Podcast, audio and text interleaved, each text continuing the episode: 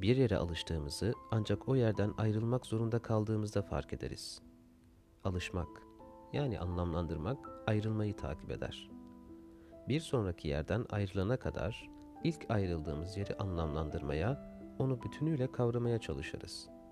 Bir başka insanda, bir başka yerde konaklamaya başladığımızda alışmak ve ayrılmak yollarını ayırır. Sonraki buluşmaya kadar. Bu yeni yer, yeni insan alıştığımız o yeri bir hatıraya dönüştürür. Yürürlükten çıkarır onu. O artık bizi yaşlandıracak ya da gençleştirecek olan hatıradır.